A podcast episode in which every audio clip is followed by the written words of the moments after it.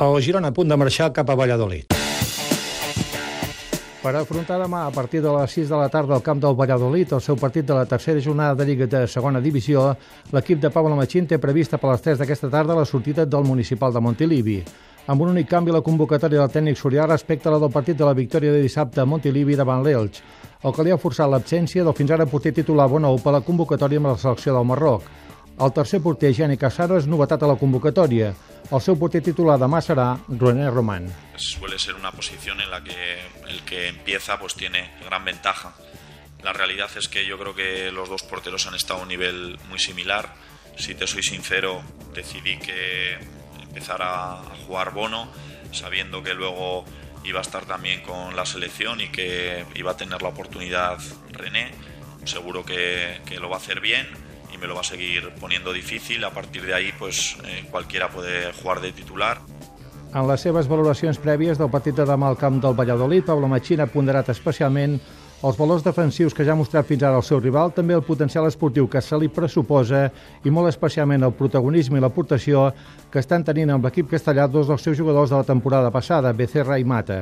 Machín també ha lamentat que el seu equip, amb els dos partits de Lliga que ha disputat, hagi rebut quatre gols i amb un cert to de decepció, però també de conformitat o resignació, ha valorat, com ara sentirem, el fet de no haver pogut fitxar un cinquè davanter. Hemos apostado bastante alto y al final pues no nos ha llegado y nos hace pues reflexionar un poco y, y, ponernos en nuestro sitio, ¿no? Darnos cuenta que sí que es cierto que hay determinado tipo de futbolistas pues que les parece atractivo el proyecto Girona, pero bueno, luego hay otros futbolistas que les sigue llamando, por supuesto, mucho más la atención jugar en, primera división, pero también ante la duda con otros clubs, pues siempre pues están por encima de, del Girona.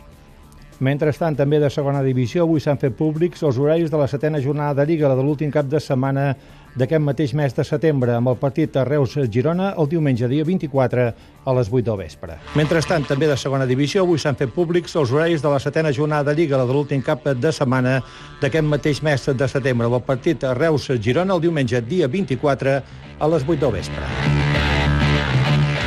De la segona divisió B, també de la tercera jornada de Lliga, demà a partir de dos quarts de set de la tarda, el municipal de Palamós tindrem el Llagostera Saguntino.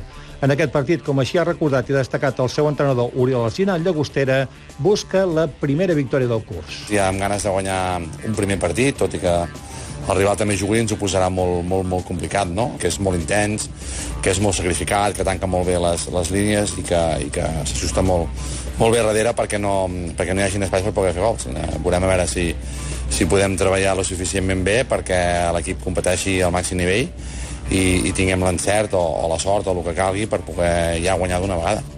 De les cites d'aquest cap de setmana de competicions d'àmbit internacional, destaquem en primer lloc la que té el corredor olímpic de Puigcerdà, Josep Antoni Armida, amb la prova que tanca la Copa del Món de BTT, la de Vallnord, Andorra.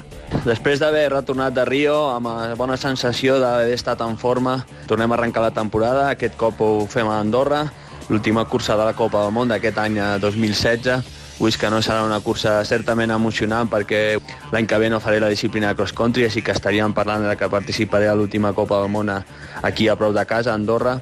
A més, és un circuit que ja coneixo, ja coneixo d'haver corregut mundials, copes del món, intentarem aprofitar, després d'haver estat descansant una mica a casa, intentarem aprofitar aquest estat de forma per poder eh, enfocar aquesta cursa amb, amb garanties i poder acostar-nos a, a les posicions capdavanteres. També en aquesta cita diumenge a la cursa sub-23 hi tindrem el corredor d'Esponellà Josep Duran en motociclisme, el Gran Premi de la Gran Bretanya de MotoGP. Tenim Maverick Viñales, Isaac Viñales i Albert Arenas. També en motociclisme l'última cita del Mundial a Itàlia. Tenim el pilot de pals Jeroni Fajardo i a l'estranger també a Edmonton al Canadà. La penúltima cita de les sèries mundials de triatló, la banyolina Carolina Rutier.